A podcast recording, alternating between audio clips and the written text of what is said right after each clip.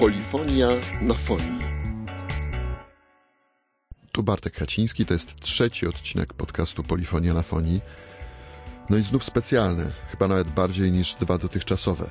Muszę zacząć od tego, że w tym tygodniu wydaje mi się, że wchodzimy w ogóle w nowe czasy, jeśli chodzi o muzykę popularną. Bez żadnej przesady.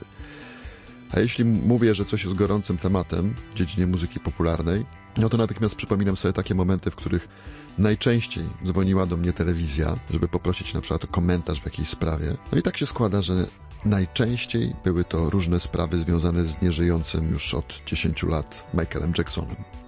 Że ważną postacią świata muzyki Michael Jackson był, nie trzeba pewnie nikogo przekonywać, że był postacią dziwną, zagonioną przez media, Pewnie też nie. Ja zawsze byłem skłonny mu współczuć yy, właśnie z tego powodu. Koncentrowano się na jego problemach z nosem, na stanie finansów, a przez to, że był jeszcze czarnoskórym artystą, pozbawionym dzieciństwa, szkolonym na gwiazdę, poddawanym jakimś potężnym obciążeniom, wydawał się po prostu w naturalny sposób godny współczucia i mimo różnych pojawiających się oskarżeń byłem skłonny go bronić, a przynajmniej tłumaczyć.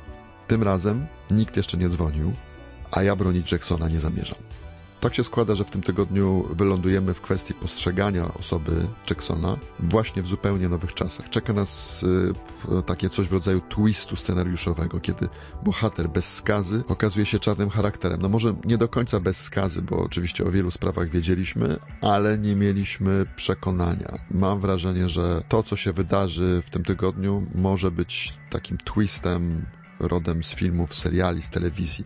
Ten twist zresztą ma charakter telewizyjny, bo 3 marca w Stanach Zjednoczonych, więc już, a 8 marca w Polsce HBO Go nada Living Neverland. Dokument pokazywany y, wcześniej na festiwalu w Sundance, dwuczęściowy, czterogodzinny, dokument, który rzeczywiście może dużo zmienić. Po pierwsze, o czym już wiemy, jeśli chodzi o ten film? Na pewno zawiera bardzo szczegółowe wyznania dwóch mężczyzn: Jamesa Safechucka i Wade'a Robsona. To są y, dwaj niegdysiejsi młodociani goście słynnej rezydencji Michaela Jacksona, tego tytułowego Neverlandu. Safechuck ma dziś 37 lat, kiedyś był dziecięcym aktorem, występował w reklamówkach, m.in. w reklamie Pepsi, tak się poznali z Michaelem Jacksonem. Y, Robson ma 41 lat, jest dziś choreografem, był młodym tancerzem. Jackson pomagał mu bardzo wczesnych latach kariery. Podczas wizyt y, w Neverland Safechuck miał na początku y, około 10 lat, Robson około 7. Y, te powroty do Neverlandu oznaczały dla nich wiele lat znajomości, wiele lat przyjaźni, bardzo bliskiej relacji z Michaelem Jacksonem. Safechuck już w trailerze tego filmu opisuje to tak. Każdy chciałby się poznać z Michaelem, przebywać z Michaelem, a tu nagle Michael lubi ciebie. To był ich zdaniem ten rodzaj sekretu, ten rodzaj sposobu, w jaki Jackson łatwo nawiązywał relacje z młodymi chłopakami. Obaj, Safechuck i Robson, przyznają po tych wszystkich latach, że byli molestowani seksualnie przez Jacksona. Ten drugi miał usłyszeć, że gdyby ktokolwiek dowiedział się, co robił z Jacksonem, to uwaga, cytuję, obaj trafiliby do więzienia na resztę życia. Stąd być może tajemnica. Oczywiście obaj też, trzeba to zaznaczyć, za życia Jacksona bronili go przed oskarżeniami o nadużycia. Robson bronił nawet w sądzie, Safechuck bronił Jacksona przed własną rodziną, kiedy ta zaczynała coś podejrzewać. Cała ta historia regularnych wizyt zaprzyjaźnionych chłopców w Neverland, a nawet spędzania z nimi nocy przez Jacksona, nie niesie w sobie nic nowego. Co więcej, ta wersja została potwierdzona poniekąd przez samego artystę w takim kontrowersyjnym dokumencie Living with Michael Jackson, który Martin Bashir nakręcił w 2003 roku. To była długa rozmowa z Jacksonem, pojawiali się też y, inni świadkowie. Nie padał tam bezpośrednio żaden zarzut pedofilii ani molestowania seksualnego. No ale widzieliśmy takiego osamotnionego gwiazdora, który zapewniał, że nie robił swoim gościom krzywdy, ale że w samej przyjaźni z takimi kilkuletnimi chłopcami nie widzi nic złego. Wiadomo było, że na przykład spędzał z nimi noce. Film odnosił się wtedy do głośnej sprawy Jordana Chandlera, i to była ta najgłośniejsza sprawa e, procesowa e, związana z Jacksonem. Chandler był trzynastolatkiem, który w 1993 roku oskarżył Jacksona o molestowanie. Ta sprawa zakończyła się poza sądem polubownie Jackson wypłacił y, wtedy 20 milionów dolarów, może nawet ponad 20 milionów dolarów rodzinie chłopaka. No ale teraz kolejni świadkowie po premierze filmu Living Neverland y, w Sundance przerywają milczenie. Media zajęły się sprawą na nowo. I tak na przykład program 60 minut y, telewizji CBS wyemitował rozmowę z Adrian McManus, pokojówką Jacksona, która kiedyś pracowała w Neverlandzie i która potwierdza dziś wersję rodziny Chandlerów. Twierdzi, że była nawet zastraszana przez ochroniarze Jacksona, że oni podejrzewali, że za dużo widziała, y, że to, co pamięta, to jest fakt, że bez przerwy w Neverland przebywali młodzi chłopcy, żadnych dziewczynek, co ważne. Y, to, co pamięta, to, że Jackson brał z nimi kąpiel, że spali w jednym łóżku, że sprzątała brudną bieliznę, że y, znajdowała wszędzie pudełka wazeliny. No i te całe wyznania McManus kończą się takim jej stwierdzeniem dość smutnym. Celebrytom w dzisiejszym świecie wszystko się upiecze. Kto dziś broni Jacksona? No bo oczywiście są tacy. Na pewno jego prawnicy, także byli prawnicy. Na pewno Macaulay Culkin, aktor słynny, znany z Kevina samego w domu, który też bywał stałym gościem rezydencji Jacksona. Biorąc pod uwagę to, że na przykład R. Kelly'ego gwiazdy R&B z potężnymi zarzutami o molestowanie seksualne, o y, seks z nieletnimi. Mimo tych wszystkich napływających zarzutów broni ciągle dużo osób. E, tych obrońców w wypadku Jacksona będzie dużo, dużo więcej. Przede wszystkim bronią go fani. Muszę powiedzieć, że dawno nie widziałem takiej dysproporcji reakcji na korzyść e, reakcji negatywnych, jaką widać pod trailerem dokumentu Living Neverland na YouTubie. Tam po prostu większość komentarzy to są głosy oburzonych fanów, którzy grożą bojkotem HBO, którzy nie chcą oglądać tego dokumentu, którzy nie przyjmują do wiadomości tego, co zawiera.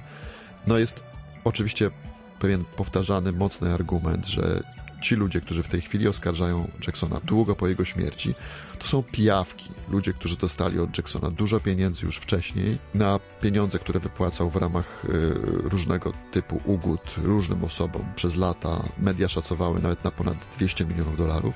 No i teraz te osoby przychodzą po więcej. Jeśli jednak y, ci oskarżający mają rację, no to kac broniących Jacksona fanów, i przyjaciół z show biznesu może być znacznie, znacznie gorszy.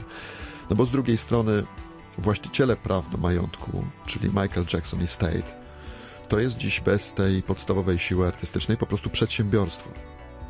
Firma, która broni się przed stratami. Trzeba też jasno zaznaczyć, że Michael Jackson Estate żąda wycofania premiery filmu, to znaczy żądało do ostatniej chwili do y, wyemitowania y, filmu w Ameryce przez HBO Go.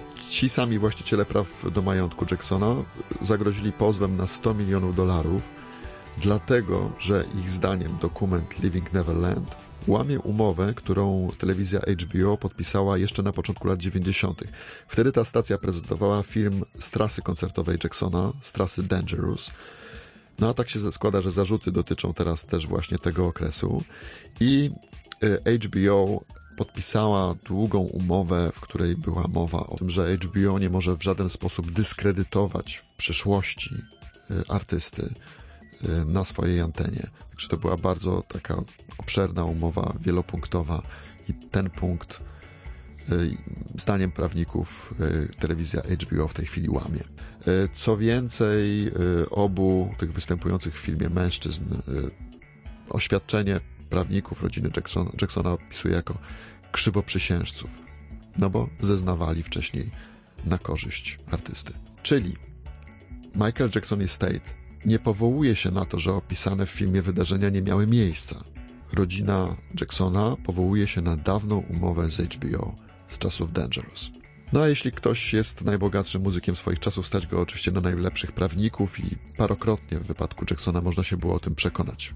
Choćby przy okazji y, Johna Oswalda, kanadyjskiego kompozytora muzyki współczesnej, to jest przykład szczególnie mi bliski. Znakomity kompozytor, twórca nurtu plądrofonii, który przed laty szatkował, samplował materiały audio i wideo związane z Jacksonem y, wydał, czy też raczej chciał z tego wydać album Plunderphonics, ale chociaż to było wydawnictwo ewidentnie awangardowe i niskonakładowe, y, został ten materiał na skutek interwencji właśnie prawników Jacksona błyskawicznie wycofany z rynku. Cały nakład zniszczono. Więc są ci prawnicy również bardzo skuteczni. Jeszcze jedno pytanie to, czy ta sprawa wywoła kolejną falę oskarżeń, no i czy przekona nas, że Michael Jackson molestował seksualnie dzieci. Oczywiście nie ma co do tego pewności, ale z drugiej strony Bill Cosby, mimo wszystkich zarzutów, był bardzo długo brany w obronę. Broniono Garego Glittera, gwiazdy glam rocka, y, człowieka, który napastował seksualnie nieletnich, posiadał materiały pedofilskie. Ostatecznie skazano go na 16 y, lat więzienia, odsiaduje ten wyrok jako 74-latek. Jednym z broniących Glittera był Jimmy Savile. Broniono również samego Savila wkrótce później. Y, DJ-a i prezentera Top of the Pops, słynnej postaci, no naprawdę jednej z kluczowych postaci w y, brytyjskim show biznesie. Człowieka, który jak udowodniono w procesie molestował seksualnie dzieci, w tym 28 poniżej 10 roku życia. Tutaj przypomnę, że Savil został odznaczony Orderem Świętego Jerzego za pracę charytatywną na rzecz dzieci przez Jana Pawła II. Był rok 1990. Wizerunek Savila zupełnie inny. Później okazało się, że wykorzystywał no właśnie te kontakty z dziećmi i osobami starszymi, które nawiązywał podczas pracy charytatywnej, między innymi w szpitalach. Raport policji y, w sprawie Savila przyszedł dopiero w roku 2013, dwa lata po jego śmierci i dotyczył 450 skarg na Savila od osób w różnym wieku.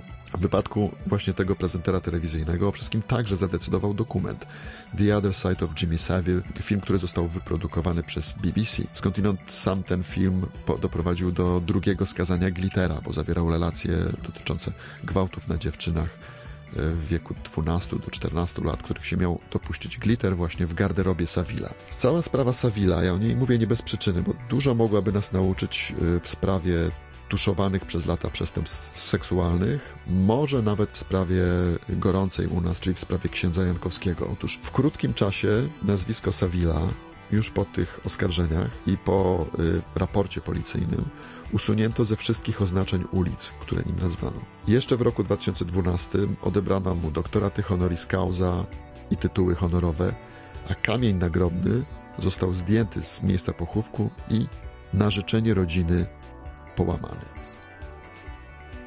No i najboleśniejsze chyba pytanie na koniec. Czy w takim razie można sobie słuchać spokojnie artystów z zarzutami pedofilii czy molestowania seksualnego i udawać, że nic się nie stało? Przyzwyczailiśmy się, że powtarzamy taką złotą zasadę mówiącą o tym, że co innego zły człowiek, a co innego utalentowany artysta, że dorobek oczywiście można odbierać w oderwaniu od życia. Niby tak, przy okazji sprawy Jacksona nie przestaje mi się podobać producencka perfekcja, nie wiem, albumu Thriller, chociaż oczywiście w znacznej mierze wypracowana dzięki pomocy innych. Nie przestają mnie ujmować piosenki w rodzaju Don't Stop Till You Get Enough, wspaniałej płyty Of The Wall, ale gdzieś za tymi wszystkimi piosenkami też kryją się różne tajemnice.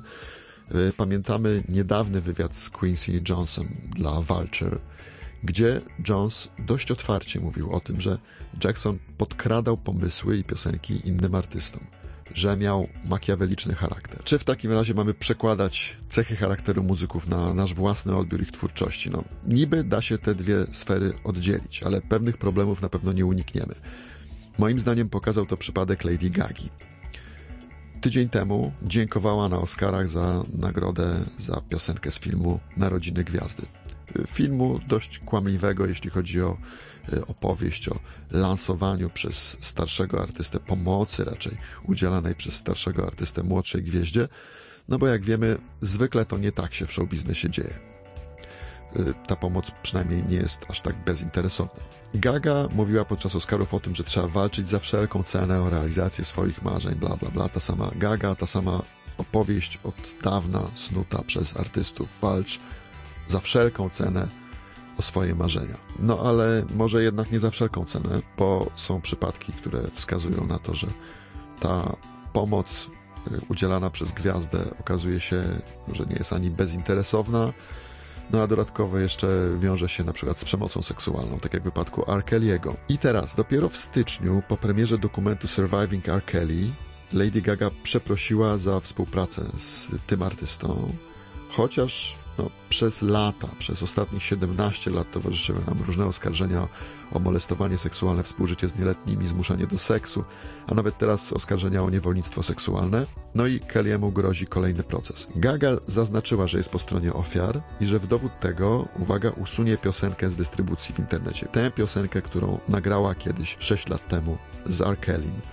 Problem z tym utworem, y, Do What You Want With My Body, zresztą tytuł no, dość ryzykowny w tych czasach, y, był podwójny, bo wideoklip do piosenki nakręcił Terry Richardson, czyli fotograf, sprawie którego też toczy się dość głośne śledztwo w sprawie wielokrotnych napaści o charakterze seksualnym. Ostatecznie wprawdzie ten klip nigdy nie został opublikowany, no ale piosenka y, została i była przebojem. Dziś nie można jej posłuchać w streamingu, ale została w wersji z Christiną Aguilerą. Niby nie ma w niej R. Kelly'ego, ale nie zapominajmy, że to jest współautor nagrania. Tantiemy autorskie ciągle płyną na jego konto.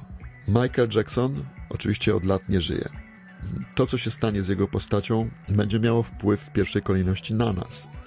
Na tych wszystkich ludzi, którzy słuchali jego nagrań, którzy je posiadają, którzy mają jakieś wspomnienia z nim związane, my możemy sobie przypomnieć w tym momencie na przykład scenę o budowie przez Jacksona rodzinnego parku rozrywki w Warszawie.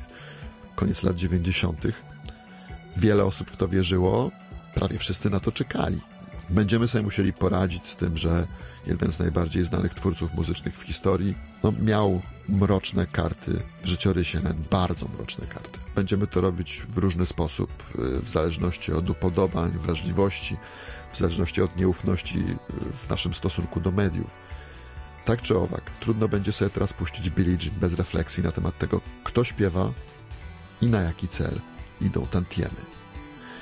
I w sumie ta myśl jest, wydaje mi się, na tyle ważna, że postanowiłem już nie dogrywać żadnych opinii na temat bieżących premier czy innych wydarzeń, nie mówić na żadne inne tematy, tylko zamknąć ten dzisiejszy podcast na tej jednej sprawie. Zobaczycie film pod koniec tygodnia, wyrobicie sobie własną opinię na ten temat. A jeśli chodzi o resztę, to czas pokaże. Do usłyszenia.